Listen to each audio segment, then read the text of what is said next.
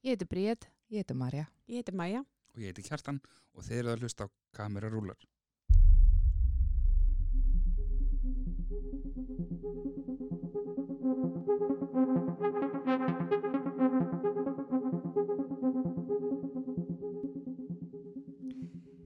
Í dag sittum við hérna í Nóa Sirius stúdíu podcaststöðvarinnar og við erum með heldur betur spennandi tilkynningu fyrir ykkur. Já, til okkar er sem sagt komin Kjartan Helgi Rúnarsson. Verstu velkomin. Takk fyrir. Uh, og Kjartan er með mikinn áhuga á öllu sem tengist kvikmyndum sem okkur finnst auðvitað mjög skemmtilegt uh, og þú ert með spennandi hugmynd að podcastætti. Þannig að við í kamerarúlar áttum spjall með þér og í framhaldi ákveðum við bara að kannski væri bara svolítið gaman að spjalla í smá samstarf Mm -hmm. og að því sögðu eh, Kjartan, þá ert þú núna orðið nýjasti meðlumur kamerarúlar. Yay! Yay!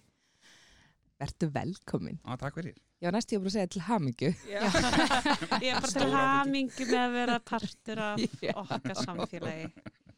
Hvernig hefur það? Bara rosa gott sko. Ég er bara mjög spenntur að, að fara að spjalla um bíómyndir og Mm Mm Þú ert nú búin að vera að gera þetta eitthvað smá. Þú ert búin að fara hann í, í hérna bíoblæður, er það ekki? jú, ég er búin að vera gestur í bíóblari nokkru sinnum Mm og, og, hérna, og það kveikti eiginlega held í pínu áhuga hjá mér að fara á að ræða frekar um bíómyndir. Uh, ég er akkurat gæinn sem, sem að fólk uh, fær leið á því að ég er, kem út úr bíói og ég er bara þarf að tala og þarf að segja eitthvað og þarf að fá álit og fólk er bara ekki, já, þetta, þetta var frábært, þetta var gaman. Er bara, já, en, en, en þetta og þetta Já. og þetta. Þekki það. Hvernig svona, þú veist, ertu búin að vera eitthvað í þessum bransa, þú veist, ertu eitthvað í leikúsum eða, þú veist, ég er náttúrulega þekki þig, ég er bara að spyrja svo allir aðrir fá að vita, en þú veist, ertu búin að vera eitthvað svona viðlóðin, þú veist, kveikmyndabransan á einhvern hátt?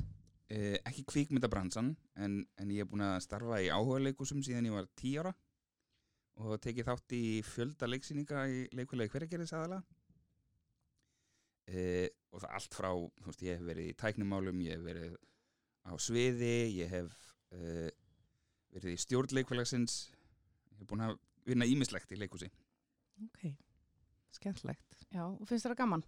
Mér finnst það geggjað og ég ætla bara aldrei að hætta því held ég. Já, ok. En hvað, mér langar svo að vita, því þú ert svo mikill bíónörd, að hvaðan kemur sá áhugi? Fekstu svona, var uppeldi þannig eða... Nei, mamma mín og pappi eru akkurat ekki bíófólk, sko. Mm. og bara, bara svo langt frá því uh, sko ég hef held ég bara síðan ég var lítill haft rosa mikið áhuga á, á sögum og þegar sögur eru sagðar uh, og þú veist ég hef ekkert bara áhuga á bíómyndum heldur elska ég að lesa og ég elska að spila tölvuleiki og, horfa á sjónvannstætti og, og þú veist bara, mér vantar bara að, þú veist ég, ég sæki rosa mikið í að, að upplifa einhverja sögur og ég held að þetta sé svolítið komið frá því að því að það er, veist, það er svo auðvelt og þægilegt að, að upplifa sögu í gegnum bíómynd Já. en að já, ég held að þetta komið svolítið frá því Ok, geggjað. En þetta verður þó aðeins öðruvísi viðbót hjá kamerarúlar því að uh, þú ætlar í raun að vera með og stýra þínum uh, þætti alveg sjálfur. Um, Værið til í að segja okkur aðeins bara frá þín, þínum þætti þá og þinni pælingu? Já, uh, hugmyndir mín er í rauninni að, að fá til mín gesti uh, sem eru þá búin að vinna smá undirbúningsvinnu áður en þeir koma uh, þeir þurfa að vera búinir að búa til lista með to sínum topp 10 uppáhaldsbíómyndum. Mm -hmm. og uh, hugmyndin er sem sagt svo að, að þegar að uh, við erum búin að fara í gegnum listana þá mun ég setja inn á myndirna sem viðkomandi kemur með inn á uh, lista sem að ég er búin að búa til. Og myndin fær stig alla myndirnar á listanum fá stig sem að uh, verður þá til listi yfir uppáhaldsbíómyndir allra gestana Já, Og það bara listinu uppfærist alltaf. já, eftir, í rauninni eftir hvert þátt sem kemur út Ok, spennandi. já. Og þetta verður þá svona viðbútt í kamerarúlar og þú verður þá með þennan lið já, Já. og, og með gesti. já, Já. það var svona hugmyndin já Ok, ég er spennt fyrir þessu. Við erum búin að finna nafn á hana þá. Já, eða þess að viðbót eins og við veitum, við erum Já. með pick-up þættir sem eru svona öðru sér þættir, POV þættir svo erum við með box office þætti eins og þessi þáttur er Og sleit. og slate sem er náttúrulega vitrast þættinur okkar en þessi mun heita Best boy mun heita sér best boy top 10 og það sem kjartan vil skýra það En þá, þá vil ég vita hvað þýðir best boy. Það er aðstofamaður grip deildar og tekni fólks svona. Áhugavert. Vel Og- valið. Síðan að því að nú er kjartan komin í kvennaveldið í kamerarúlar og er okkar besti drengur. Já, mér, mér list ógeðslega vel á þessa hugmynd um leið hún kom. Já, Það er geggjuð hugmynd. það er bara frábært. Hvernig líst á að vera komin í konu veldið? Bara fínt, sko. Það er, Are you scared? Are you? ég, ég er, er í minni luta heima hjá mér líka, sko. Já, en síðan náttúrulega fannst þér rosalega gaman áðan áður en við byrjum að taka upp þegar við vorum að tala um neklutnar á okkur. Já, það var rosa spennandi. Ég settist bara og fór að lesa listan minn, sko. Já. En þú ert einmitt með lista Mhm. og sem þú ætlar að segja okkur Já, frá. við ákveðum bara að keira þetta þannig í gang. Er það ekki langt skemmtilegast? Bara Já. fara beint í þið. Topp 10. Það er bara langsniðast. Kjartan. Þannig að við fáum að kynnast þér svolítið svona. Já, ég, ég er mjög spennt. Ég varst um að ég er búin að segja eina mynd, en það er náttúrulega bara ég. Jú, ég veit þú ert búin að sjá fleiri en eina. Ó, Já. vá! Ó, En Já. byrjum við þá á bestu mynd eða byrjum við á neðstu bestu mynd? Ég, ég myndi, held ég, byrja á myndinni sem er í tíundasæti. Ok, Ég er hins vegar, eins og ég sagði ykkur á hana, þá er ég svindlaði ég pínu. og það eru í raun Vá, 12 bara myndir á strax. listanum. Eh, það eru tvær myndir þarna sem að mér fannst þurfa að vera á listanum en, en þær bara komist ekki að. já, Þannig að ég ætla að fá að nefna þær á nafn áður en við byrjum. svona Ok. bónus. Já. Ok, Uh, önnur þeirra er, er teiknumyndin Lion King. Ha? Já, ég er mig grunað að þetta eru viðbröðin þín. Ég, hérna, uh, Ég er bara mikið hraðan hjarslátt. ég græta stórlega að þessi mynd hafi ekki komist fyrir. Já, ég, þetta kemur mér að bara virk, ég er sjokkur sko. Já, uh, þetta er sko fyrsta bíómyndin sem ég sá í bíó. Jaha. Já, og það var mjög, mér þótti mjög leiðilegt að hún kæmist ekki fyrir. Já, Herðu, hinmyndin er, er Iron Man, Yes! algjör Marvel kall sko. En, en þetta er líka eina Marvel myndin sem við ætlum að tala um í dag. ok. hæ? Án gríns. Þessar tvær myndir fá þá svona honorable mention á þínum Þannig að lista. þá eru þið báðar búin að fá ykkar. Já, ég kjartan höldum áfram með topp 10. Ok, við veitum að geta ræðið þetta meira, ok. En þetta er besta Marvel myndin, 100%. ok. Já, ég held það. Ég, þetta er líka bara, þú veist, að því hún, þetta byrjar allt saman þarna, þannig er að, þú veist, ef að þetta virkar ekki, þá, þá virkar þetta bara ekki. Algjörlega, algjörlega. Heyrðu, uh, ég held að ég sé að fara að halda áfram að gleði ykkur tvær samt í, í bili Ok. á, áður en að, áður en að hérna, Bríett fær, fær sitt held ég. Ég er alveg svo spennt að vita hvað, þi, hvað er á listanum þínum. Sko, uh, ég- var með, svona, setti mér ákveðna reglur þegar ég var að þessu. Ég til dæmis vildi ekki setja fleiri en eina mynd frá sama leikstjóra. Wow. Já, ég, mér langar ekkit að tala um þrjá Steven Spielberg myndir í dag. Ég, þú veist, mér fannst bara fínt að velja bara eina frá hverjum leikstjóra sem væri á listanum.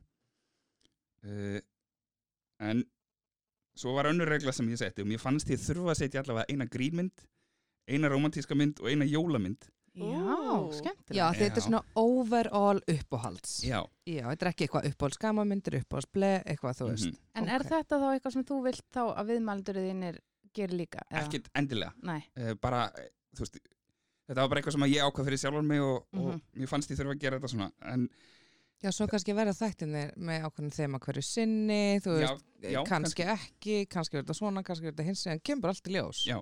Ok. en þessi þrý hluti sem ég nefndi, grín, romantík og, og jól, ætla ég að slá alla þrý í einu höggi Kekja. með, myndin, með myndinni The Holiday Ah, já. þetta er stórkostleg bíómynd Þetta er- Upp á halsjólamyndi mér. Ok, ég mér líka. er þá forvitin. Af hverju, af því að ég, ég spyr einmitt svo marga þegar að jólinn fara að nálgast, hvað er upp á jólumyndin, af hverju segja svona margir það holiday? Hvað er það við þessi mynd? Það er svona alveg fín, en þú veist, ég, hvað, hvað er það við þessi Að mynd? því að Jude Law er svo ótrúlega fallegur, Nei, Jack Black er svo skemmtilegur og Kate Winslet frábær og Hún manst ekki hvað hinn heitir. hvað heitir hún aftur? Cameron Diaz. Og, þarna, og hún er svo sætt Sko, líka bara Kate Winslet og Jack Black bara kemistri hann á milli í þessari þau eru myndi bara stórkostleg sko. frábær þau virka bara ótrúlega vel saman Mhm. ymmit En finnst þér hún ekki líka bara, mér finnst hún svo hugljúf af því að þú veist, mér finnst ekki marga myndir eitthvað svona hugl, þú veist, ég nenn ekki að hafa margar svona, þetta er löng bíómynd líka, Mhm. þú veist ég myndi aldrei nenn að hafa svona eins og ég segi, eins og Bríð segir, hún er alveg góð, Já. En hún er samt ekkert frábær, þetta er samt bara mína einum uppáhalds jólamyndum, Já, bara, út af öllu þessu. Já, líka en bara þetta einhvern er samt alveg bara sér típiska jólablanda. Þú veist, það er einstæðar fæðir það er kona sem þarf nýtt upphaf yfirmaðurinn er fíbl og jól. Finna ástina og vinskap. Þetta er eitthvað svona og þú veist, það er eitthvað svo nostalgíulegt við þetta. Og síðan er mitt í litla eh, kotinu og eldur og Þetta er bara- og bara hvernig þessi myndir þessi saga er sögð, það er einhvern veginn þú veist, þetta að vera að hoppa á milli Los Angeles og, og Bretlands aftur og aftur og, og ég veit ekki, þetta er bara einhvern veginn grípur með þessi mynd ég, er bara, Mhm. ég sitt alltaf dolfallin yfir henni þegar ég er að horfa hana hún er frábær mm -hmm. Svo hún geggjuð, já gott að slá þetta allt saman í svona einu höggi já, ég, Mhm. mér fannst þetta bara fullkomin mynd fyrir þetta Já. Og ég bjóð samt ekki við að að gera þetta svona. Ég held að vera með jólamyndi. Já, ég, held það líka fyrst sko, þegar ég fór á staði Er það bara restin drama eða? ég, Já og nei, það er ek- ekki bara en já, ok, ég það spennt, ok, mikið. spennt, spennt, spennt. Heyrðu þið, uh, ég fannst mér líka þurfa að setja Star Wars hana. Uh, mér fannst það alveg nöðsilegt því að Star Wars skiptir mig rosa miklu máli. Er hún í nýjunda sæti hjá þér? Empire Strikes Back, já, er í Já. er bara, þessi mynd er örugglega bara með fimm bestu bíómyndum allra tíma. En af hverju? Fyrst er Það- það. Er bara eitthvað, það er eitthvað í þessari mynd sem að fær mig til þess að uh, dreyma, fær, fær mig til þess að, veist, uh, vilja ímynda mér að ég sé einhvers staðar í einhverju svona fantasíu veröld. Þetta er bara einhvern veginn, þú veist, dramað í þessari sögu, uh, þessi heimur, ég veit ekki, það er bara eitthvað sem að tógar í mig. og Áhugavert. bara allur þessi heimur þú veist, Star Wars verður bara það er svo mikill partur af mér sem kvikmyndaáhuga manni að, að ég þurfti bara að, fá að setja eina Star Wars mynd Ok, en hver er uppáhalds karakteruðin í Star Wars myndunum? Jóta.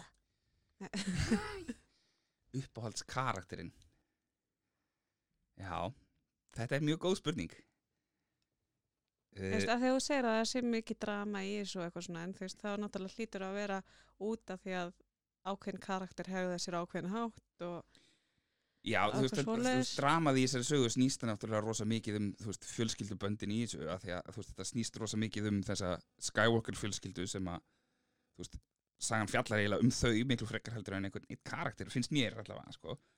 og þú veist þetta að, að nú er ég að fara að spoila þú veist 45 ára gammal mynd en, hérna, en, en þú það veist, má, þetta, að, að þú veist svartöði sé pappi lúk þú veist og það er Er kemur- svartöðu pappi lúk? oh my god, sorry, er ég new þetta Ég information. myndina. núna get ég slefti að horfa á Star Wars. Nei, ég hef hort eitthvað á Star Wars, ég, man samt ekki neitt. Nefna að svart höfðu er pappi lúk. pappi lúk. Já, uh, þú veist, það meiri segja, sko, uh, heimaskjárun á símanum mínum er, er Star Wars plakat, þú veist, ég er, ég er alveg þarna, sko, ég er bara, Já, ég, er nefnilega, ég- ég, er ég- með algjör að sprengju, ég veit ekki einu munin á Star Wars og Star Trek, sko. Sko, ég veit munin, en ég er alveg þar eins og það. Já, ég, ég er ekki bara, alveg, já. þetta kveikir ekki í neinu hjá mér, sko. Nei. Þetta, þetta er allt í lagi, þú, við komum núna bráðum að, Ok. að því sem að, sem að þú ert að býða Á, á góðu stafni, ég veit bara að því eh, ofar sem færum svo listan því betra verður með það er, það er Tarantino myndana. Cool. Ok. Ó, þú þekkir okkur svo vel. þú ert okkar besti drengur. Já, ég. Hvað segir þið, næsta? Erum við þá komin í átta? Já. þá erum við komin í áttundasæti það er örugglega elsta myndin á þessum lista. Hún er frá 1957 hún heitir 12 Angry Men. Já, þetta er stórkostleg ég bíómynd veit það. þetta er sammála. bara, þú veist, jú, það er alveg hægt að þú veist, benda það, þetta fjallar um einhverja 12 hvíta kallmenn inn í, inn í einhverju lokuðu herbyggi og þeir eru bara endalaust og en þetta er bara svo stórkostlega vel gert. Ég, bara, ég er svo þakklátt fyrir bara að ég kom mér í að setja hana á og horfa á hana. Ég, bara, ég verða að gera það, ég menna hún er svo góð skilu, ég hef heyrt það. Og síðan var ég bara, það böggaði mikið neitt hvað hann var í gömul, það böggaði mikið neitt hann var í svartkvíti, ég var bara wow, hvað þetta þetta ég límdist við þetta bara strax sko. og þú veist þetta fjalla bara með einhverja tólf kallmenn inn í einhverju herbyrgi það, það gerist ekkert í þessari mynd nema inn í þessu eina herbyrgi mm og þeir eru að ákveða framtíð einhvers átjánara stráks sem er meiri segja, þú veist, hann er, hann er frá Porto Rico held ég Mm. þannig að þannig er þetta einmitt eins rasist eins og þetta getur orðið sko, Já. bara einhver tólf hvítir miðaldra kallmenn að, að ákveða framtíð einhvers, einhvers hérna, e, stráks frá útlöndum basically uh, og þetta bara samtölinn sem að verða til þarna og, Mhm. og þú veist, aðstæðunar sem að þessi gæjar setja sig í Já. Þannig eru þú veist, allir bara já, hann er, hann er segur, hann myrti pappa sinn. Nema einn, hann bara eitthvað ætlum við bara ákveða það hérna á einhverjum tíu mínútum? Einmitt. á þess að ræða þetta bara. Þetta bara, og út frá því bara já, bara því líka umræða. Þetta er ótrúlega góð mynd. Já, og það er svo, það er þú veist, maður heldur alltaf að, að þegar þú fær bíómynd sem einmitt gerist bara í sama herbygginu mm allan tíman að það verði eitthvað leiðilegt og pyrrandi en þessi mynd er bara einmitt. svo langt frá því að vera leiðileg mm ég þarf vel að fara að horfa á hana aftur sko, því ég man til dæmis ekki einu sinni hvað þessi gæja átti að hafa gert sko. Já, hann, þeir eru sko, þú veist, þeir eru kviðdómarar í, í, í morðmáli já, og hann á að hafa myrt pappa sinn. Ah, ok. Og, og þeir koma inn í herbyggi og þú veist allir eitthvað, já, hann, hann er augljóslega sigur hann draf pappa sinn pottitt mm nema þess eini bara eitthvað, já, þú veist, eigum við ekki allavega að ræða þetta? -hmm. og það verður bara eitthvað eitthvað ótrúlegt sem gerist þarna. Já, uh, og þú veist, og þeir meiri sé að fara sko að labba í gegnum, ra- setja upp þú veist, svona eins og einhver gangur sem að eitthvað vitni átt að hafa gengið og hann var fótbrotinn þannig að hann þurfti að haldra þetta og þá Mhm. kom í ljós að hann gati ekki hafa séð það sem hann held hann sá, sá og, og þetta, þetta bara þetta er ótrúlega mynd ég mæli með henni fyrir alla Mm Ég er ekki viss hvort ég hef séð hana. Nei. Ég hef bara tjekka því. Ertu búin að sjá einhverja svartkvöldu mynd? Að þú veist, ok, strókaði þetta út. Vá. Nei, ég, náttúrulega, að sjálfsögðu hefur hort potið á svartkvöldu myndir í skólanum og eitthvað. Já, já, já, já. Og líka pappi var alltaf að horfa á einhverju svona svarkita myndir. Horfður Mhm. mm svo mikið með pappa á, ekki það, þá mann ég samt ekki hvað er heita, skilur. Þess vegna er ég að pæla hvort ég hef séð hana. Einmitt, en að því að þetta er alveg svona mynd sem að þarf að gýra sig upp í, skilur. Já, svona já. myndin sem maður er með á listanum en bara kemur sér ekki að horfa á hana. mm -hmm. En það sér enginn eftir því. Þetta ég er nýbúin að setja þessa mynd á watchlistan hjá mér. Nákvæmlega. er bara, eh, þú veist ekki þú veist, ég er ekki það nýlega búin að gera það, ég var að gera það núna heldur, þú veist, að því ég var um daginn á MDB og var að skoða einhverja topplista og Mm rakst á þessa mynd. Já, er hún þar á topplista? Já, mér minni það. Ég allan að ég rakst á hann einhver starf á MDB. Já, já. Ok, geggja. Ég er að þetta í næstu, sko. Já, ok uh, sjöunda sætið þarna kemur Tarantino Yey, sjöunda. mm -hmm. Ok, Inglourious Bastards já. þetta bara Ég, þá, ok, já. Af öllum Tarantino myndunum, af hverju Inglourious Bastards? það er rosalega auðvelt að benda bara strax á opnuratriði í þessari mynd. Mm því að það, er bara það sýnir bara hvað hva þessi leikstjóri er, er góður í að byggja upp spennu. -hmm. hvað hann er góður í að að fá mann bara til þess að, þú veist, sita bara á brúninu og sætinu og bara býða eftir að eitthvað hræðilegt gerist. Mm uh, Mér finnst það eiginlega bara toppurinn á myndinni, skilur. Bara öll þessi byrjun að senna, skilur. þetta gerist allavega tvisasunum í þessari myndi viðbót sko. Ok, veitu, ég þarf, ok, hvennar? atriði þegar þeir eru í kjallaranum þeir eru á einhverjum svona bar og, og þeir eru að þykjast vera þjóðverjar mhm, og svo eru þeir hann á einhverju fyllir í og það kemur einhver þýskur hersfóringi og situr á næsta borði og, og þeir eru eitthvað trublanir með einhver læti og eitthvað mhm, herfóringi kemur og sest hjá þeim og er eitthvað að reyna, veist, að reyna að komast inn í samræðarnar og, og e, ég man ekki nákvæmlega hvað þeir fara að ræða en, en eitt setur upp fingurna til þess að tákna þrjá og hann gerir það eitthvað vittlusan hátt með hvað hann er búin að segja stega heima eða alveg eitthvað. rétt. Já, og svo byrjar herfóringin að tala og, og þú veist, hann heldur einhverja ræðu og eftir þess að hann kemur lengri inn í ræðuna þá áttar þú því sem áhrifandi meir og meir á því að hann veit alveg að Já. þetta er einhverju svikarar Ó já, ég man eftir þessu. Mhm. Já. þetta er bara, þú veist, þetta er sko í annað eða þriðaskipti sem að þetta gerist í þessari mynd Mm. Og þú veist, Tarantino er svo hann er svo góður í að skrifa samtöl Já. og þú veist, jú, flest samtöl hans myndi ekki gerast í raunveruleikanum sko. Mhm. en þau eru bara þau verða svo uh, spennuþrungin og þau verða svo uh, áhugaverð uh, og ég veit ekki, það er bara þú veist, sérstaklega þessi mynd finnst mér grípur mig einhvern veginn þar sjötta sæti, eða vil ég tala meir um Glorious Bastards Sko ég var alveg til í að tala í allan dag um Quentin Tarantino, sko. En Til já, vonan hann, deginmannin. hmm, Til vonan deginmannin. já, hann, ég er anþá byggð svari. Já. En ég, já, hann er einmitt, það er það sem ég finnst svo skemmtilegt og það er einmitt, það skiptir engum máli hvað samræðinar eru langar. Þið finnst það ekkert leiðilegt, bara Nei. dottin inn í algjörlega, til að bara vera með. það Já, er bara það, það er ekki til leiðileg Tarantino mynd, það er bara nei, það er engin leiðileg Tarantino mynd Og það er einmitt sko, ef ég geti bara sett Tarantino í, bara, þú veist, í staðan fyrir bíómynd, satt bara Tarantino.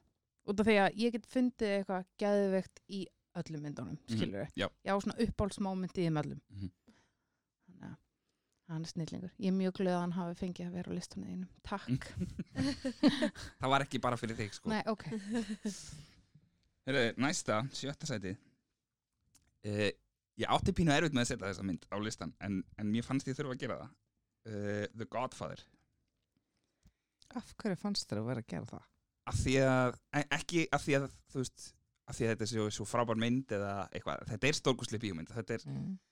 að mínum að þetta er fullkomin bíómynd Mm Mm. en það er ekki ástæðan sem að ég hef til þess að setja hana þarna ég held að þetta sé myndin sem að fekk mig til þess að uh, átta mig á því hvað kvikmyndir eru frábært listform þegar ég var 16 ára þá var, þá var hérna, skiptinemi sem bjó heima hjá mér og hann var svo hissa að ég væri ekki búin að sjá þessa mynd hann settist niður með mér eitt kvöld og bara, nú horfum við á hana það er bara, við Mhm. þurfum að horfa á hana og þegar myndin var búin að þá var ég eitthvað, já, þetta var gaman ég skildi ekkert myndin alveg, sko, Mm. mm. fattaði henni ekkert en það fekk mig til þess að langa að skilja hana Já. þannig ég fór að pæla rosa mikið í henni og lesa mikið um hana og, og þá áttaði ég mig bara á því hvað ég actually hef mikið áhuga á þessu. Á því, veist, hvað bíómynd er og veist, þessu frásagnarformi. Mm þannig að veist, það er í rauninni ástæðan fyrir að hún er hana miklu frekar heldur en hversu stórkostlega bíómynd hún er sko. Og hvernig finnst þér þá hinnar? Eh, tvö er líka frábær bíómynd hún er ekki einskóð Mm en hún er frábær líka. Eh, það er svo langt sín ég horfði á þrjú en ég held að sé líka alveg ástæði fyrir því. Já, ymmit. en hún er ekkert veist, hún er allt í lægi, hún er ekkert, ekkert leiðileg. Finnst þér að það hefði mátt sleppa þeim? ekki tvö, Nei, en þrjú þurfti ekkert að vera nei. það, það er eitt atriði í þrjú einmitt sem, að, sem að er held ég svolítið lýsandi fyrir þessa mynd. Uh, og það er einhver karakter drepin á einhverjum tröppum, ég man nú ekkert hver það er og svo Fía Coppola sem er dóttir leikstjórans, er að leika stórt hlutverkana og hún á svo hræðilegt grenn, þú veist, grát moment þarna, hún, það er bara veist, það er eins og hún hafa bara beðið um, verið beðin um að gráta og hún hafi ekkert undirbúið sig heldur bara byrjað að, veist, Mhm. gráta einhvern veginn og þetta hljómar bara illa, þetta er bara vant. ég, þetta er svo vond atriði, Mhm. sko og mér finnst það bara svo lýsandi fyrir alla myndina einhvern veginn, hún er bara einhvern veginn eins og hún sé gerði einhverju flýti og. Hún er aldrei, aldrei skemmtileg, þannig Mm Sko, já. Það er rosa margir sem segja gottfæðir. Rosa margir. Og ég veit ekki hvort það sé bara veist, fólk í bransanum sem að segja það því að flestir í þessum bransa hafa þurft að horfa á þessa mynd á einhverjum tímapunkti. Þú veist, við þurftum að horfa á hann í kvikmyndasögu hjá okkur.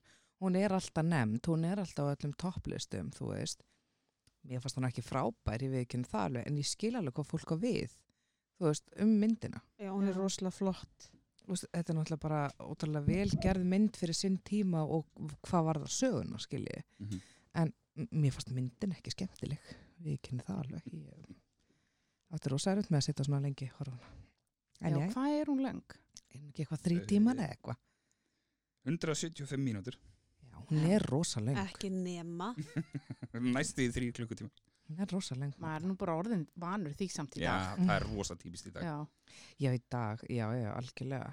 En þarna þú veist á þessum tíma maður er bara spenntur að fara í bíó og mynd sem er 90 mínútur sko. það er bara já, já. ég er alveg þar.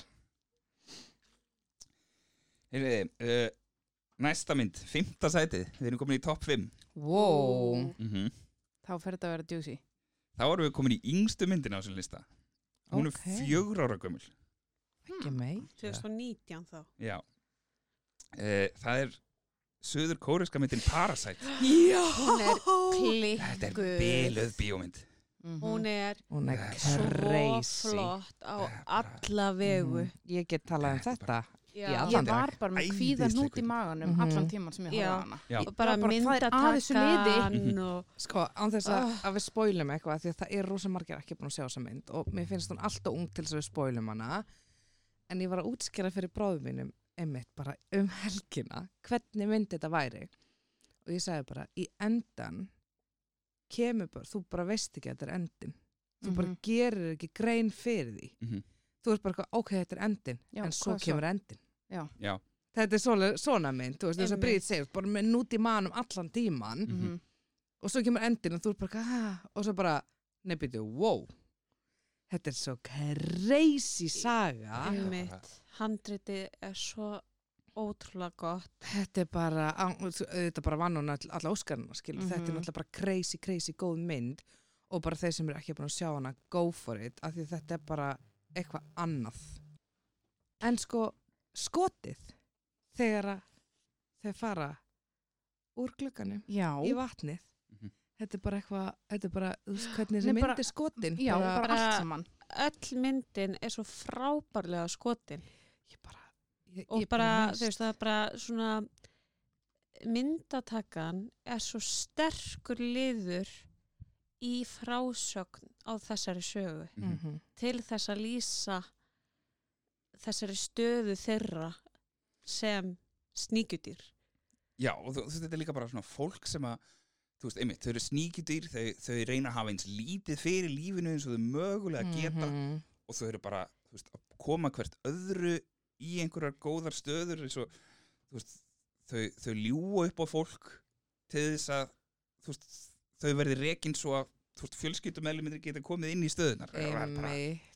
Þetta er stórkostleg bíómynd upp á bara, þú veist, sagan sem verið að segja og, og karaktersköpunin að það, þetta er bara, þetta er ótrúleg mynd. Mhm. já, hvert einasta svona dæmi eins og nefnir bara upptakan þú veist, bara gerir myndina það er einhvern veginn bara, það er allt svo, það er allt svo geggjað Mhm. -hmm. að það er ekki hægt annað og bara líka svona lýsingin í myndinni þú veist að við, það er allt svona grátt og gruggugt og sen er það svona opposite, þú veist, Mhm. algjör anstæða þess Mhm. Þú veist, hvernig þetta er byrtist Mhm. þú veist, hvernig rými er lýst og bara sett dress og allt saman. Ég bara að, náði að þetta er tveir bara svo- heimar. Já, mér finnst bara mikið bílun allt sem þau eru að gera Mhm. og þau blikki ekki auga sko. Mhm. það er bara, en það, Þetta er það bara- er til svona fólk í alvörunni er það? Þannig að þú veist, mér finnst það að vera svo góð mynd líka til þess að bara í rauninni segja þú veist hvað er til í þessu samfélagi sem við búum í en síðan náðu þau að setja upp svo svakalega grímu ég skilur veit það Já. en það er bara máli er að í þessum heimi sem við búum í er til alls konar fólk sem að gerir alls konar hluti sem að okkur finnst vera samt svo ótrúlegir Mhm. þú veist, að, að, bara lígilegir þannig að Mhm. þú veist, það er alveg hægt að segja þú veist, þetta spekli ákveðin samfélagshóp á að, að, að einhverju leiti Mhm. Mhm. Að þau lifa í fátækt og allt þá, og hvað gera þau til þess að koma sér frá fátæktinni og Mhm. alltaf svona þessi viðbjargar viðleitni Já. Mhm. hún er líka bara, hún er skemmtileg þessi bíómynd Já, Þú veist, mjög. þetta er alveg, ég vill alveg horfa á hana aftur Ég og er aftur sjá hann Einmitt. þreysvar sko Já. og ég, þú veist hvernig ég er, ég horfi ekki svona oft á bíómyndir og sérstaklega ekki svona langdregna bíómyndir eða bíómyndir á öðrum tungumálum, þú getur í sko en þessa mynd er ég búin að sjá þreysvar og ég er bara, ég er alltaf að, já, mikið að meist Mm. bara. Mhm. Ég bara, þú veist, ég gat ekki, þegar ég var að setja saman henni lista, þá gat ég ekki annað en, en haft hana þarna. Og það er til fullt af öðrum kórisku myndum sem ég er búin að sjá sem að ég hugsaði alveg um, sko. Það Eh, Oldboy til dæmis, það finnst ég Mm. Oldboy Mhm. Nei. frábær bíómynd og hún er með svona alveg svipað svona sjokkgildi í lokin sko Mm. Hvernig, hvernig gera þau þetta? ég veit það ekki Síðan 2003? Já. Já. Það er búið að gera held í bandarinska endurgerða þessari mynd með Josh Brolin í það hlutverki ég, Já, ok. ég ætla ekki að leggja í það held ég Nei, ég er búin að heyra slæma hluti Já, þetta Það er Það má er ekkert oft- endur gera eitthvað sem er gott fyrir. ég bara, af Ég- hverju Það er bara myndir gera ná- Þetta er svona eins og þarna, Intouchables, þarna, eh, franska myndin, veist, um gæja, ríka gæjan í akkurat. Það er búið að gera bandaríska útgáðu núna og ég bara svona franska myndin Já, er af hverju er, ótrúlega þetta flott. bara tökum eitthvað sem er geggjað Mhm. Mm. og, og, og, og hvað? einmitt. Gerum það, þú veist, það ætlar enginn að gera hlutina verri, en það er bara að þið getið ekkert gert hana betri. en svo er líka held ég sko bandarækjumenn eru oft svolítið hrættir um að en þú veist, þeir, þeir eru oft eru ekki tilbúnir eins og Marja sagði að setjast niður og horfa á bíómynd Mhm. á öðru tungumóli heldur en þeirra það nennir engin bandarækjumæður að setjast niður og lesa texta í bíói sko. Mhm. Mm. það, er, já, það er bara svolítið þannig sko. við horfum á hana bara út af því að við vorum, við vorum að horfa á hana í skólanum Já, í samtíma sögu. Já, og, og kennarinn okkar var búin að þýða textana á íslensku hann segir aldrei hort, veist, ég hef aldrei valið mér að horfa á hana skilur þannig, Mhm. svo var hún sýnd í Bíóparadís þannig og hérna og ég fekk hana öruglega hjá henni bara síðan til þess að að horfa á hana heima sko og með íslenskum texta, þetta er náttúrulega bara það er líka bara pínu forréttindi að hafa íslenska texta á henni, eða skilur Mhm, bara, Einmitt. en já, bara geggjumynd, ég er bara ekki, nú er ég bara hvað ertu með í fjögur? Mhm. Já, einmitt. uh, myndin sem er í, í fjórðasæti er ekki eins góð bíómynd en hún hefur bara meira personlít gildi held ég Það er svo gaman. uh, það er Kristoffer Nolan myndin Inception Já. þetta er besta bíóupplifun sem ég hef átt á æfinni held ég Ég bara, ég, sko, ég skammast mér fyrir að segja það, en ég bara, ég skil hana ekki en, ég skil henni ekki 100% alveg, skilur þau. Mhm. Ég, en ég held ég sé bara of mikið að reyna að skilja hana, að Já, hún verður og flókin fyrir mér. Er ekki uppáhaldsleikarið í nýjunni? Leonardo DiCaprio? Já. Já, já. sko ég held ég hef farið fjóru sinum á þessa mynd í bíó Að það. af því að það, það er bara eitthvað í þessari mynd sem að þú veist, ég þurfti bara að upplifa aftur og aftur og aftur því að það er bara ég veit ekki, ég skil það ekki heldur sjálfur ég skil myndin alveg. Og, og hún er eins og ég sagði ekki næstu því eins góð bíómynd eins og Parasite. Mm en bara að sitja í bíónu og upplifa þessa mynd það er bara, Hún bara snertir það á eitthvað ég er bara þú veist, Hún er úkslega góð, hún er úkslega flott. Mhm. ég, ég held að þetta sé kannski að því að ég áttaði mig ekki á því þegar hún var í bíói að mynd gæti verið með svona djúpar pælingar Mm -hmm. Að þú veist, það gæti verið svona mikið á bakvið söguna sem verið að reyna að segja annað heldur en bara hvað eru karakterinn að gera á skjánum Akkurat. þannig að, þú veist ég veit ekki, svo, svo það eru fleiri Nólanmyndir sem hefði alveg getað verið þetta en þetta bara út af þessari upplifun sko, Já. að þá, þá þurfti þessi mynd að koma þarna Mm -hmm. Já, það er alveg, einhverju búin að segja þessa mynd alveg áður, sko. Já, hjá okkur. Já, ég held það. Ó. Já. ég íhugaði sko stórlega hvort ég ætti að setja Interstellaran í staðinn Mm. en hún er bara ekki eins góð Nei. hún er bara ekki Áhugavert. næstu því eins góð sko. Ég hef ekki séð þessa mynd, sko. Ég, sko, ég held ég þurf bara að fara að horfa á hana aftur, bara svona aðeins chillaðri, bara horfa á hana, þú veist, Mhm. af því að ég er bara svo mikið í höfðinu bara, þetta er bara, tæma verður já. taka kortis hugleðslu, Mhm. kveikja á myndinni. Mhm. En það er náttúrulega bara ef Leonardo DiCaprio Caprio er í því, þá er ég að fara að horfa á það. Já. Hann bara gerir allt betra. en þú veist, þetta er náttúrulega líka sko, það er rosa djúpar pælingar og það er verið, verið að spurja að því skilur, geturu þú veist, hve- hvernig færðu ykkur til þess að uh, þú veist, fá hugmynd hvernig færðu ykkur til þess að hugsa upp eitthvað nýtt það er rauninni það sem myndin er að spurja Já, Já. en þú veist, er þetta ekki bara ykkur sem hafa fengið sér skýt nú á kannabis og bara, já, en hvað við? Já, það er alveg ein, eitt sjónur, sjónur, hérna, sjónurhótt uh, ég, ég- þú veist, ég held að hann sér líka bara svona. Nolan, að, þú veist, allar myndir sem hann gerir hafa, er eitthvað, alltaf að pæla eitthvað í tíma. Það er alltaf eitthvað eitthvað, þú veist, hvernig getur haft áhrif á tíman, hvernig líður tíminn. Og meiri sé að sko þegar hann gerði uh, hvað heitir aftur myndin hérna sem kom fyrir einhverjum fjórum, fimm árum síðan stríðismyndin, Hérna Dunkirk. 1917. Nei, Nei, er það ekki að tala um hana? nei, Dunkirk og þú veist, það, þar er hann að segja frá sönnum atbyrðum en hann samt finnur leið til þess að uh, klippa myndina saman þannig að þú veist, þú ert, þú veist, hún gerist ekki í rauntíma þú veist, hún gerist ekki þú veist, í röð mm sögurþræðurinn hjá sumum karakterunum gerist á klukkutíma á meðan að hjá öðrum gerist hann á þú veist, sólarhing en þú ert samt að horfa á þessu sögurþræði í einu Já. Mm. og þetta er bara, þú veist, hann, hann pælir svo mikið í einhverju svona og það er það sem hann gerir hann rosa áhugaverðan í mínum huga uh, og eins og ég segi, þe- þessi mynd bara einhvern veginn kvikti í mér að, að þetta væri hægt Mhm. að, að þú veist, þú ert ekki bara að segja sögu þú ert líka að pæli í einhverju hlutum sem að eru ekki gerast á skjánum Áhugavert. Mm, Númer þrjú uh, er frekar ung mynd sem að heitir The Nice Guys með Shane, eftir Shane Black Ryan Gosling og, og Russell Crowe Er þetta ekki gamanmynd? Jú, þetta er, Já. sko já, þetta er svona gaman, action gaman mynd Mm Af hverju er ég ekki búin að horfa á þessa mynd? Ég er eiginlega sammála. af hverju? Veist, hún er bæðið með Russell Crowe og Ryan Gosling. Er Hann er samt ekki minn uppáhalds Ryan. Ég er meiri Ryan Re- Reynolds. Já, já. Hann er hei- svolítið, mikið sami gæin alltaf aftur og aftur það ekki Já, en halló, hann er verið að framlega gín, krakkar? Oh my god. Gosling? Ég, nei, Reynolds. Reynolds. Já, Reynolds er frábær. En hérna. Hvað, hvað er það við þessa my- mynd? uh, Chemistryhan á milli þessara gæja Russell Crowe og, og Ryan Gosling það, þetta er bara, það er eitthvað annað magnað við á þeir, sko, Ryan Gosling leikur einhvern svona, hann er engaspæri og hann er rosa mikil klaufi og auðli einhvern veginn. Mm -hmm. og það er, það er alltaf verið að brjóta honum nefið í myndinni að hann, hann er bara að klúður einhverju og, og svo kemur karakterin sem að Russell Crowe leikur og hann er hann er eiginlega svona handrukkari og þeir hittast þannig að, að hann á að handrukka Ryan Gosling sko.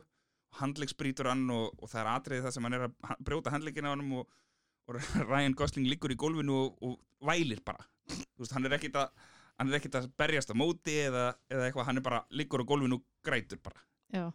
og kemistriðan sem myndast þarna er eitthvað það er eitthvað töfrar þarna sem að ég skil ekki og mér langar bara í meira og meira og ég er eiginlega á því að ég hefði bara viljað þú veist svona svona löggu þátt þar sem að þeir væri Ah. bara aðal karakterin og við væri bara alltaf að sjá þá leysa bara eitt Mhm. sagamál í hverju viku sko.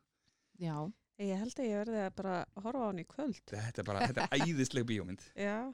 Já, að ég, ég að því ég er ekki búin að sjá hana og mér finnst frontið ekki spennandi, sko. Þetta er náttúrulega í svona 70s.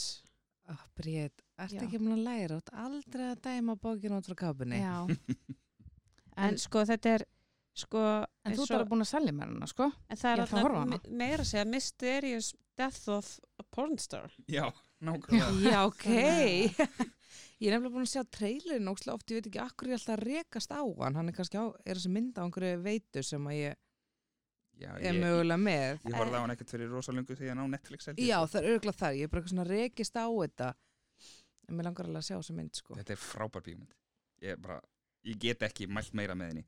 Og svo sko á Ryan Gosling á, á dóttir sem, a, sem er eiginlega meiri harðjakslinn hann og hún er bara 12 ára eða eitthvað. Þetta er bara þau þrjú hann eitthvað rúndum og hún er alltaf að tróða sér með þó að þeir sé að reyna að skilja hann eftir. Þetta er bara, þetta er Þetta er æðislega mynd Skemmtilegt. Ok. þetta er líka jólumynd ég það? held, held að Shane Black hafi aldrei gert bíómynd sem gerist ekki um jólin Ó, hann gerir, Mm. líka, gerir líka Iron Man 3 sem gerist líka um Eilífum jólin jólin, já. En ég held að ég beigði það með hann að þunga til í desember. Þannig að ef að bíómynd gerist um jól en er ekkert um jólin, er það þá jólamynd? Die Hard, já. Já, skilur, en það er akkurat pælingin. En þú veist, e- eina sem er jólalegt við Nice Guys er að það eru jólaskreitingar út um allt. Það er eina sem að tengir hana við jólinn, Ok, sko. en þú sér það ekki einu sinni í Die Hard. Ok, jú, Jú, í- ballið, skilur, já, já. en þú veist, það er hvað í byrjuninni eða kemur kannski fram tvísar eða eitthvað. En Það er engin jólafílingur í þessar bíómynd. ég er er það sem að En það er skilgreinir önnur bí- umræða, eh, sko. Þú veist, jólamynd. Það... þetta, þetta er nostalgían, skilgreinir jólamynd, held ég. Já, eða bara svona gæjar sem eru úkslega hærði Það er þetta besta jólamyndin Nei, ég sé þetta bara þannig Þa- Þetta er fólk sem heldur því fram að Harry Potter sé jólamyndir, sé jólamyndir skilur en Þetta er bara fólk sem að, bara, þú veist, þú Lord of the Rings, Harry Potter, allt þetta. Já. þú veist, það það- Þetta er bara Já. einhver hefð sem fólk setur sér. Mhm. það er, þetta er ekkit annað, sko. Já, það er mitt nostalgí og hefð. Já, Já. Er oft nákvæmlega. mitt með jólamyndir. Ok, vá. Þannig að þú ert svolítið jólabann Já, greinilega, ég er að komast að því sjálfur bara. Ok, við erum komin í annarsæti, sko. Já, Oh boy. e, þetta er mynd sem á ekki heima í öðru sæti ef þetta væri topp 10 bestu myndir og ég er ekki viss um hún ætti heima þarna bara á listanum yfir höfuð Ef þetta væri hvað, top 10, bestu myndir allra tíma mm já, allra tíma. Já, Já. ok. en þessi mynd er í, þú veist, hún var uppáhalds bíómyndir mín í 20 ár sko. Og hætt hún svo bara já, ég bara, áttað, ég bara áttaði mig á því hversu ekki góð hún er þó hún sé góð, skilur hún er, hún er ekki Mhm. léleg Já, hún er, Er bara, hún það lélega og hún er bara góð, kannski?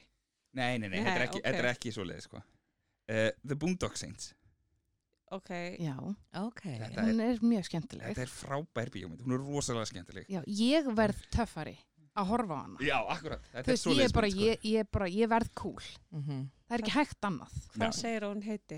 The Boondock Saints Boom, Bún. Já. B-U-U.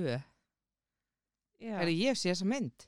Ég var svo skotin í þarna made me. Já, ég var svo skotin í þannig að dökkaragæðanum Mhm. Sko, flestir eru skotnari í ljósaragæðanum Ég er, í- ég er dökkaragæðin, sko Hvað heitir hann? uh, uh, uh, þú, ert ekki, þú, þú ert að tala um gæjan ekki sem að var í, í hérna, Walking Dead, heldur hinn gæjan Ég er að tala um Walking Dead gæðin já, þú varst skotin í honum. Ég þarf alltaf að vera öðruvísin allir hinir, sko. Hann heitir Norman Reedus. Já, Mhm. uh, þessi mynd er fyrsta myndin sem að ég stalst til að horfa á sem ég mátt ekki horfa á. Ah. Og þetta var bara eitthvað ógeðslega cool. Mm þetta var bara, þetta var bara einhver tveir bræður sem að eru basically Batman, þeir bara þeir, þú veist, ákveða það bara að þeir eru orðnir þreyttir að því að Mhm. glæpamenn geti bara borga fullt af peningum og sloppið út af fangilsi samdægur Mhm. þannig að þeir fara og drepa það bara En nú mústu nýja ára þessi mynd kom út. Já, ég held að ég hafi verið ég held ég hafi verið 10 eða 12 ára kannski þegar ég sá hana mm Oh my hún var, hún var til heim hjá ömmu minn og afa og ég og bróður minn vorum tveir heima hjá þeim Já. þau voru ekki heima og okkur vantaði eitthvað að horfa og, Mm. og þetta er bara þetta er stórkostli bíómynd. En sko, gæin, þarna hérna, hvað heitir karakterinn þarna, skemmtilegi kallinn? Tala um Paul Smacker. uh, Já, hérna, vinur þeirra, Rocco. Já, Mm. hann er snillingur. Já, er líka, hann, hann langar svo að vera svona töff eins og þeir. Já, og hann er það bara ekki. Nei, en hann á bara ekkert að breyta sér. Hann á bara að vera nákvæmlega svona. En að- Hvað var það? Catch on flip, geggja hann, er hann, það á þessari mynd? Já. Ah, ok. hann, hann er meitt sko, þú veist vinnur fyrir einhverju svona mafjósa eða eitthvað, Mhm. sem að þeir eru búin að vera að drepa og hann vill svo mikið vera með og Mhm. hann er að fara á einhvern fund og endar á því að drepa alla mafjósuna sem hann er á fundinu með Já. og bara alla inn á barnum sem þessi fundur er á Mhm. og svo hleypar hann út og hann er bara einhverju panikkasti og, og þeir, þeim finnst þetta svo geggjað að hann hafi gert þetta þetta Mhm. er bara, Já, en hann er bara svo, hann er svo góður í þessu hlutverki já, hann, hann er eiginlega stjarnamyndarinnar finnst mér sko hann er bara, vá, hann er svo ógisla fyndin Mhm. og en er ekki að reyna það sko Já. og þessi brandari sem hann segir að þú veist ég hafa kókuð en þetta er bara einn besti brandari efer Æ, Vitið þið hvað sem maður er gammal í dag? hvað? Hvað heldur hann sé gammal? Sem leikur Rocco Já. eh, Þessi mynd kom út 99. ég ætla að giska á hans ég að vera 70 eða eitthvað Hann er 71. Mhm. shit Ógeðslega mikið. En er þá bara að horfa á Bóndók Seins 2? já, og þrjú, því miður Ó, þrjú líka. þetta, Er það ekki upp gott? nei Nei, ég, veist, þetta er bara ég gleymi því að segja að það sé til fleiri en einn sko. Er Ég reynda þetta við svo ekki, mikið ég, sko. ekki, ég vissi ekki að væri, ég sé það bara hérna. mhm. En hérna, já, ég hafði ekki hugmyndum að væri til Já, þrjú. það er bara svona gleymum við svo gröfum þetta bara Já, mjög einmitt. djúpt niður bara held- held tölum aldrei um þetta Duffy, leik, leikstjórinn þessari mynd ég held að hann hafi bara átt að segja á því að hann fekk, átti eitthvað one hit wonder þarna svo er hann að reyna að kassa inn áfram á því sem að er samt svo algeng Já, það er rosalega argengt maður er bara nei, hætt á toppnum Já. ekki búin að fatta þetta Af því að þessi mynd er svo góð Mhm. að þú veist, þá er svo vond að hann hafi verið að reyna að gera fleiri. já. Mhm. Já, þetta er, já. já, þá erum við bara komin á toppin Oh my god. Sko, Strax. góðar myndir í fyrstu fimm, sko. Alveg, eh, fyrstu fimm, ég veit ekki hvað fyrsta er, en þú veist, so far allt frá Parasite og upp, þó ég hef ekki séð Inception, ég menn þá var hún mjög vinsal mynd, þú veist, þannig að ég, ég er mjög spennt að heyra. ég er, er forvitin að vita ef þú segir okkur ekki nafni á fyrstu myndinni en segir okkur bara kannski ártalið að hitta þetta og við reynum kannski að Ok. fatta Ok. Já, gefðu okkur vísbend. Bara Þið um vitið þetta. allar hvaða mynd þetta er Ok. Ok. en ég veit ekki hvort þið er allar búin að sjá hana Jú, það hlýtur eiginlega að vera. Aladdin. Herðu, hún kemur 1993 Ó, það er besta árið Já, geggjað ár þá komu allar bestu myndinar út Getið þið giskað það? Já, Nei, bara alltaf bara, þetta er allt nei, Ok uh, uh, Þetta er eina Spielberg myndin á listanum Eina Spielberg myndin á listanum. mm Ég er eiginlega viss um það að. Steven Spielberg er besti leikstjóri allra tíma Ég það er svoleiðis. Það er þannig Mm. Sko, það, það er, Ég horfði á hérna myndina sem hann gaf út í fyrra The Fablemans já. sem að fjallar basically um hann sjálfan mm og hún, þú veist, þetta er ekkit þetta er ekki, ekkit mistaraverk við hliðin á þessari sem að ég er með hér en, en hún er einhvern veginn, hann er ennþá með þessa töfra sem að þessi mynd sem að það er í fyrsta sæti ok ég er bara, hún greip mig næstu því jafn mikið þó hún sé ekki eins góð og þessi Sko, þetta getur verið svo marga myndir. er Já, það, en hva, Eða, var ég veit 93. það ekki. Ég reyndar er ekki að skoða ártalið, sko, en bara... hann reyndar gaf út tvær myndir á þessu ári sko. Ó. að það, Já.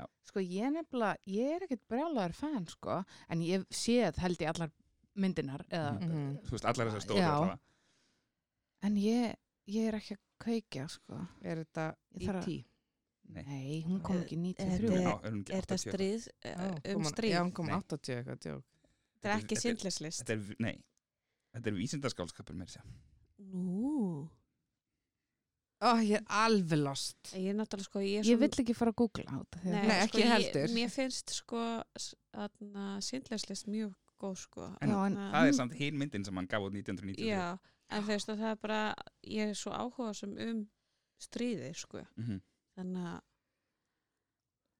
ekki mikið fan en pældi að gefa út tvær myndir á einu ári hvað er það? Þe- þegar þú heyrir líka hvað mynd þetta er þá það er ótrúlegt að þessi menn- maður hafi gert þess, báðar þessar myndir á sama tíma sko.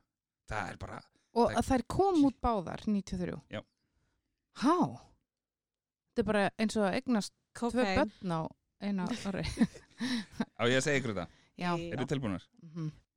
Heyrðu, það er mynd sem að ég vildi svo mikið ég hefði séð í bíó það er Jurassic Park oh, oh my god Nákvæmlega! oh my god Já! Já.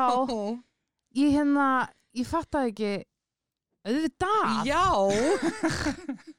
en sko, hún er ennþá gegg í dag Já. það bara Það eru- það eru- hvað þessi mynd það eru lítur vel mjög út í margir dag, sko. búin að segja þetta Mjög Já, og margir. líka bara eins og hann Sigurjón sem að kom hérna í VFX þáttinn til Mhm. okkar talar um þessa mynd þetta er 30 ára gömul bíó Já. já, og andjóks, þú horfir á hana hún er alveg skilt að vera búin til fyrra hún lítur út betur heldur en margar myndir sem kom út í dag Já. þetta er bara, þetta líka er bara trillt sko. ég, ég reyndar að var eins ás á þessum tíma þegar hún kemur út en ég man eftir að hafa hort á hana frekar oft sem krakki veist að bara þessi heimur einhvern Mhm. veginn að það sé bara hægt að horfa á risaðilumynd Já. Mhm. Þú veist sem er ekki teiknumynd einmitt, þannig að já, hún er svo bara hún er svo, hún er svo skemmtileg mm og vel gerð og, og bara vel leikin. Hún er bara, já, hún er Þa, það er skemmtileg. bara einhverju töfrar sem flæða út úr skjánum þegar þú ert að horfa á þessa mynd sko. Mhm. hún, bara, hún grípur mann bara og þú getur ekki að hætta að horfa. Einmitt, og það er bara þú veist, þe- þetta er svo fáránleg hugmynd mm og hún virkar svo ógeðslega vel. Einmitt. Og allir leikararnir og sögurþræðurinn og þú veist, karaktersköpunin það er bara, það er allt bara upp á Já. tíu allan öll smáatriðin bara já, og hann gerir þessa mynd á sama, þú veist, kom út á sama áru Schindler's List það er, já, bara, það já, er það er ótrúlegt bara- sko. Mhm. Já, tvær það er stórar myndir biladæmi. Já, bara, bara með stærri bíómyndum bara allra tíma sko. og líka En bara, ég bara, ég næ ekki að setja höfuð utanum að hvernig hann fór að því. en sen er líka að þetta eru tvær ólíkar myndir mm e, önnur er svona söguleg þú veist og um setni heimstyrjöldina og allt það og bara svona mi mikið umfang Þung einhvern og, bara svona til þess að gera þetta vel og fallega einhvern veginn -hmm. en sen er það önnur mynd þú veist Jurassic Park sem er svona bara tækni væðing í kvikmyndagerð einhvern veginn Mhm. og það, það er bara þú veist, myndin tæknilega séð er, er bara langt á undan sínum samtíma sko. Mhm. bara langt Mm oh my. Ó, mér langar bara að fara heim og horfa á Jurassic Park. Mhm. Já, frekar en næskæðis eða eitthvað. Já, því þá veit ég hverju ég á maður búast. Þetta er rosaleg það er bara á hverju er- var Steven Spielberg? Þetta, þetta er ekki eina. Árið 1993 sko. En náttúrulega sko, það er náttúrulega var svo ógeðslega löng hérna bara pre-production vinsla að finna úti hvernig það er átt að láta risaðlun að reyfa sig Mhm. Emmi í þessari mynd, þannig að hann var ekkert að chilla bara með hann sko, hann gerir það bara einhverja aðra, þú veist, hann gerir örugglega hina bara með hann Já. En þetta er líka, sko, þetta er ekki eina árið sem að koma út tvær myndir eftir hann sama árið, sko. Hann, Já, hann er búin að gera ok. þetta sexinum, Ha? án gríns. Þessi gæi er bara eitthvað, það er bara eitthvað að honum, sko. Oh my god Bara orkan sem þessi gæi hefur og til þess að gefa út allar þessar myndir sem að eru svo lengi og oft í umræðinni. Mhm, Mm.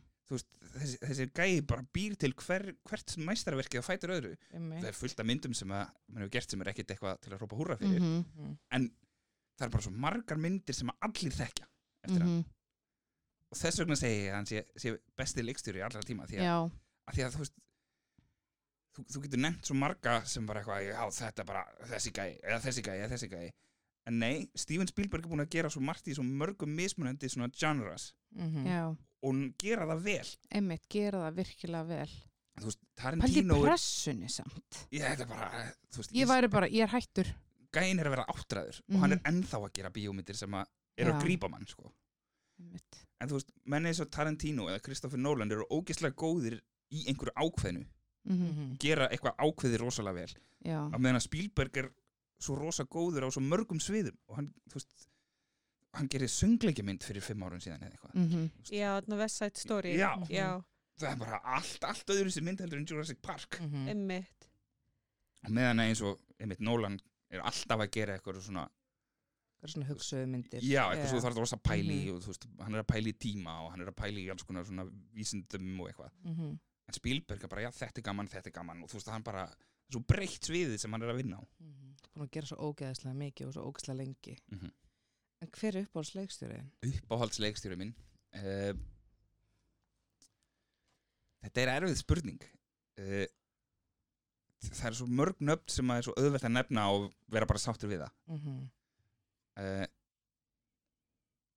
ég held að, að þú veist ef, ef þú ætlar að setja byssu upp á höfðinu á mér og neyða mig til að svara þessu þá held ég að verða að segja Spielberg en en þú veist, ég gæti samt nefnt Tarantino eða, eða Mhm. Nolan eða, eða Shane Black eða, og þú veist, Mhm. verið ánæður með það sem ég er að segja sko. Mhm. Já, að því eins og þú segir, þetta er allt svo mismunandi mm En nú, sko nú er eitt sem að þú verður eiginlega að segja því að það vita allir svona eitthvað um okkur þannig að þú verður eiginlega að segja hlustendum einhverja styrlaða staðarind um sjálfa þig styrlaða staðarinn við sjálfa mig Helst sem fáir eða engin veit. Mhm. Það væri extra juicy.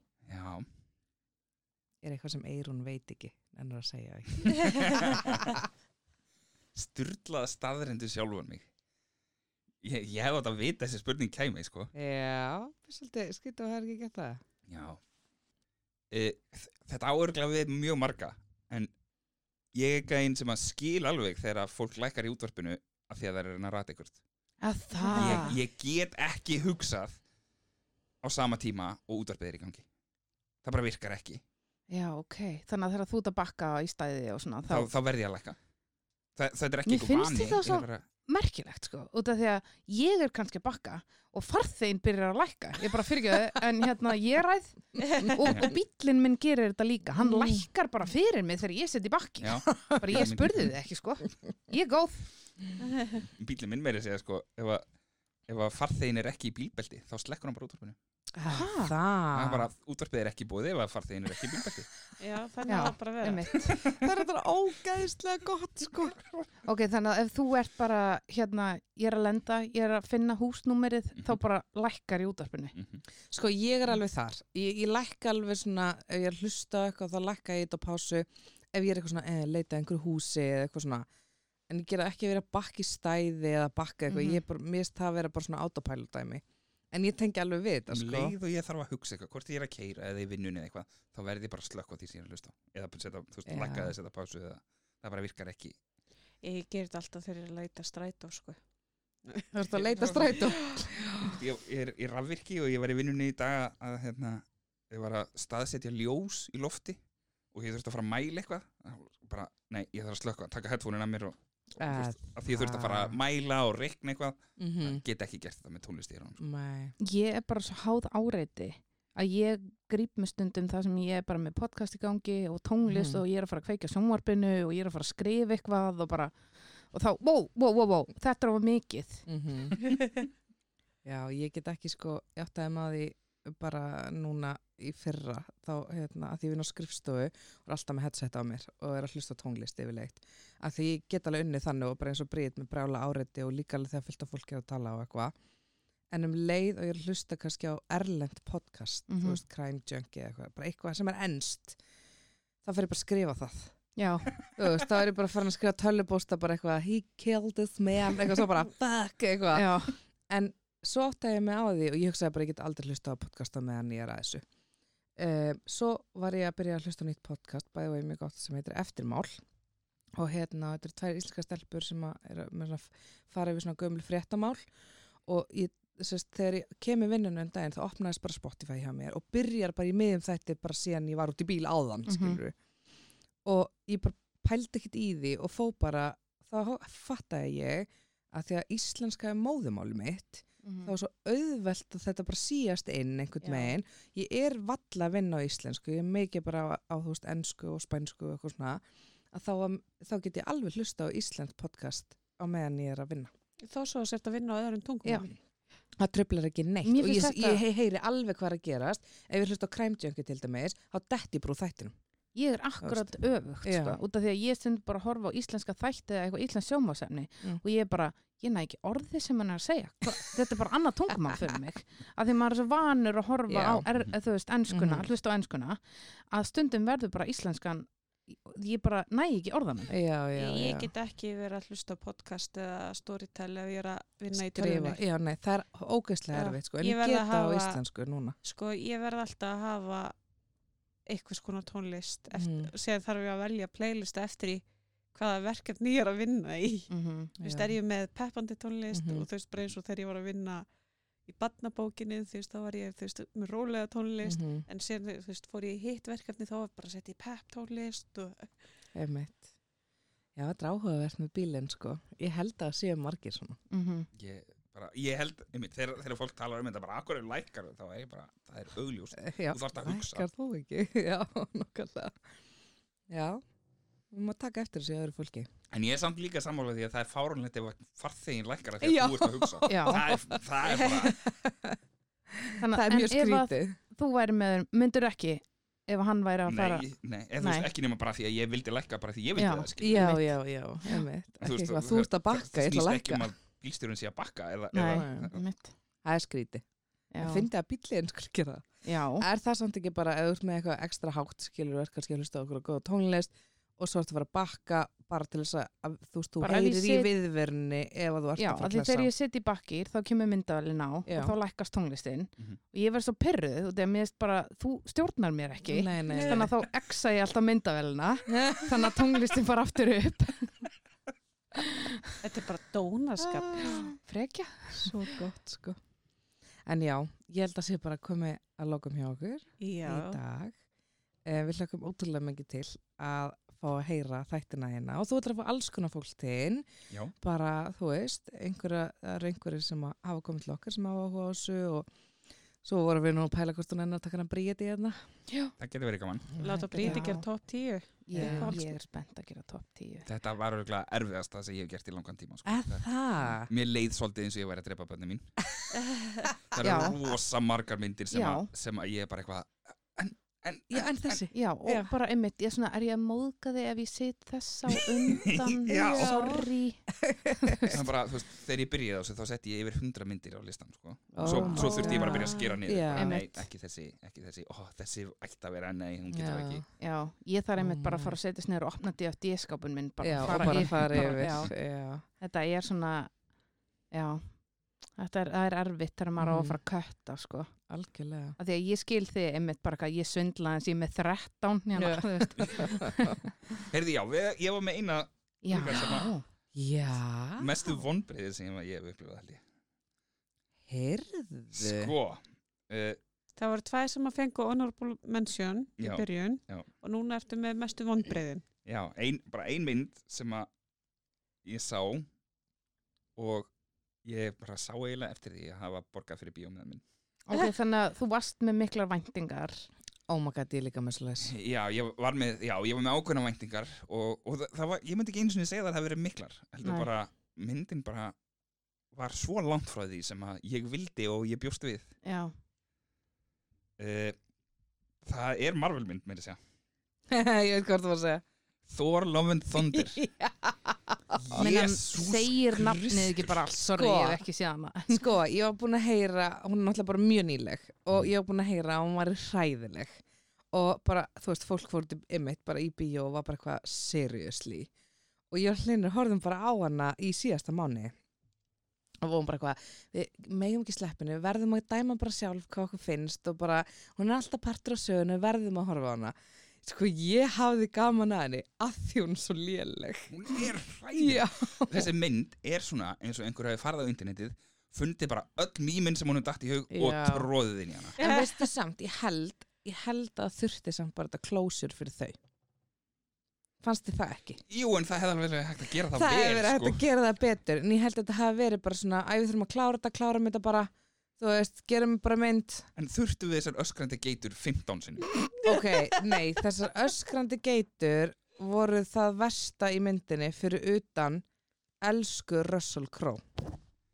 Já, Jésús Kristur hvað Hvernig var þetta að láta svona frábæran leikara leika hann hérna pappas Herkules sem átti að vera ykkur yfir gott, skilur við mig ok, allt í lagi hann var að leika hann en þetta var mesti fáiði þetta var bara, þetta, þetta var bara lélegt þetta var bara lélt, Mér var bara þetta gaman lélegt að heyra ykkur tala um Marvel og segja að þetta er ógeðslega leðilt og ógeðslega lélegt. Ég er bara, já, Ég- já, sko, ég trú Nei, ykkur. bara það var verið að taka svona guði bara úr sögunum, skilur við mig, Mhm. eins og pappa Herkules, fattur, hvernig, hvað segir, segir, já, seifur, og, og gera hann að fá þetta og bara eyðileggja hann. og ég var bara svona af, af hverju, þú veist, ha, þú, nei og líka bara eitthvað, af hverju ættu þið ekki að hjálpa honum? Þið eru öll í, hvað meinar þið? Mér segja sko, þú veist, fyrstu 20 mínútur myndarinnar er basically aðrir Marvel karakterar að segja hvað Thor er mikill hálfviti. Já, já. Og veist, og hann er hann að ég er bestur og ég redd þessu og ég bjarga Þetta var þessu náttúrulega ógeðslega hallversli byrjun líka. Þetta er hræðilegt. Þetta var hræðileg byrjun sko, en e, býtu sko, varðandi þetta guðadæmi, af hverju þurfti hann að vera nakin? Af því þetta er hann. af því að það átt að vera fyndið En það var var bara leikis. Nei, Nei, það var bara, það var bara ógeðslega asnalegt og allir bara eitthvað svona að horfa á nakin og allir eitthvað svona, hmm. mm ég, Þú veist, ég, ég get ekki svarað þessu sko. en kannski, sorry. Ég er rosalega áhersum um þess að geitur. Nei, sko, svo, þetta, þessar fyrstu 20 myndur þarna, einmitt, að þú veist, Guardi- Guardians of the Galaxy er svona mynd, skilur við mig, hún er, Mhm. þeir eru fyndnir og þeir eru með alls konar svona, svona, trúðalæti Já, og, svona trúðalæti og allt eru þessi típur í Mhm. þeirri mynd heldur en í öðrum Marvel myndum en a, mér fannst bara pínu skemma fyrir þeim Mhm. öll þessi hálfvitalæti í Thor Mhm. líka bara eitthvað af hverju ætti hann að hafa verið bara eitthvað hann átti að vera einhver svona gaur, svona hippagaur sem var alltaf í henni farin eitthvað í jóka og meditation og eitthvað Mhm. en var samt bara, ég er bestur alltaf eitthvað svona, þetta var bara mjög skríti Er þetta grínmyndir? Þessi myndi á, á Já, að vera grín þess, já, og Guardians Já, of the Galaxy. Guardians of the Galaxy eru þannig og Ant-Man til dæmis er alveg ágætlega þannig líka og þú veist það er alltaf eitthvað fyndi í myndunum Mm. en flestar eru svona actionmyndir náttúrulega en, en Guardians of the Galaxy og þessi, já. En mér fannst bara að hann gerður að svo döm gerður það hálfvita. Sem hann er ekki hinnum myndurum, jú hann er það en ekki svona, það var bara eins og hann væri bara eitthvað, "Ah, bara hérna þú veist, Mhm. þetta er, það er svo fárlegt. Svo, svo, þú veist, svo er annað í þessu líka. Vondi kallin í þessari mynd hann heitir Gore the God Butcher. Og hann, hann er svona gæi Mhm. sem að gengur um og drepur guði. Mm -hmm. Hann drepur einn guð sem að við vitum ekki eins og hver er, hann er aldrei komið á þau og svo sér þið bara fullt af dauðum guðum. Þú sér hann aldrei drepa neitt guð aftur. Nei. og hann á að vera einhver hræðilega vondur kall og, og þú veist, þetta, þetta er bara asnalegt, mér sé að Christian Bale er að leika þetta ég veit, ég var því áttaði mig á því að þetta væri hann af því hann er svo ótrúlega horraður þarna og eitthvað, þá var sem ég bara hann kann best. Já, Já. hann er rosa góður í því. En ég var bara, hvað er hann að leika þetta? Af því að fyrst það atrið í byrjunni sjúklega flott þarna með litlu stelpunni og eitthvað alveg þanglega fyrir að drepa hérna á Guð. Mhm. því þá byrja bara skrýpalætin þetta hljóma bara eins og umuleg bíómynd. Af því, af því að þú vorst að spyrja um geiturnar á hann Já, ef að þú ferði í YouTube og le leitar að Screaming Goats í, í, já, það, ég er- það er elska geitur. já, það er mjög fyndið á Já. internetinu. En, en þessi mynd er með geitur sem að öskra svona Og- 15 sinnum í gegnum þessa bíómynd. hjúts og þetta er ekki fyndið 15 sinnum nei, Nei, líka bara að þetta less is more sko. Mhm. sko að þetta virðist heldur ekki í neina svona kon, þú veist svona já, tala um Marvel mynd og sinna allt inn bara en geiturnar Já. ha, er það bætum regla? hérna geitum við að því það er í svo miklu samræmi við söguna Mhm. að þessu geitur öskrandi þarna Nei, þetta er Sko- geitur eru sko. frábærar það er sko. náttúrulega eitthvað að því að Þór á að vera með einhvern vagn sem að er drín af einhverjum geitarhöfrum það er pointið sko.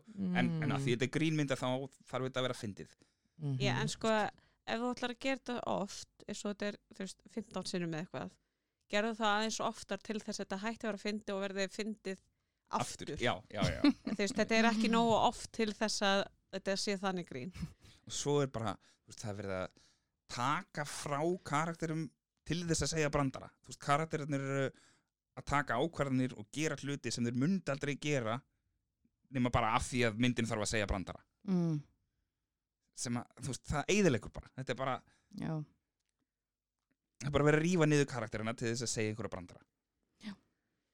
Já, þetta er, já. ég hef aldrei á æfinni séð eins mikið eftir 2000 krónum eins og ég gerði eftir ég sá þessa mynd. Er svona dyrt að fara í bíó í dag? 2050 kall held ég að kostir hana Já, 50 kallin gera útslæði sko. já en, en svo, þú veist, ég er alveg sammálað það er pínu dýrt. En, en svo ef þú hugsaðir þetta aðeins lengra hva, þú veist, hvar annar staðar á höfuborgarsvæðinu færðu tveggja klukkutíma skemmtun fyrir minn en 2000 kall? Dags Jú. Sko það er alveg að fara í eða það var hægt að fara í bingo í Vinnabæ og þá í rauninni reyðstu hvað þú ætlaði að eða þína skemmtun hann er alltaf búið að loka þeim stað í dag sem er náttúrulega bara mesti skandal sem ég veit um sko. Já, ég var fasta mm Ég Veitu meina, hvar? um leið og þú bingo í ferð í- Vinnabæ Já, já, það er me mikill skandal. Já. Þetta er sorglegt. sérstaklega út af því að húsið stendur aukt Er það? já, ég veit ekki betur Já, við erum að frendu ekki bingo í Vinabæ já, Mhm. bingo í Vinabæi búið kamerarúlar Já, Til í þetta. Til í þetta. Heyrðu, hefur að loka þessu? Já, ég er rosalega spennt fyrir komandi tímum hjá okkur og bara verðtu velkomin í fjölskylduna kjartan. Takk fyrir, ég er rosa spenntið fyrir þessu líka ég, Við vantar held ég vettfangið mitt til þess að rífast um bíómyndir það er Mhm. Já, Þetta var mjög skemmtilegt. Ég, hérna, það komi pínu óvart. Um, þó ég hef ekki séð alla myndirnar, eða þá eins og þú sagðir merkilega við séum um mjög margar. En hérna, þetta er ótrúlega skemmtilegt, hérna, skemmtileg hugmynd að gera þetta svona. Og hérna, þetta minnir mig svo á, við höfum verið með svona topp 5 að einhverju svona uppáhalds okkar, einhverju leikurum, leikurum og eitthvað svona. Myndi mig svo svolítið á það nema bara svo miklu dýpra, þú Mhm. veist. Þannig að þetta er mjög skemmtilegt. Ég er mjög spennt fyrir þessu.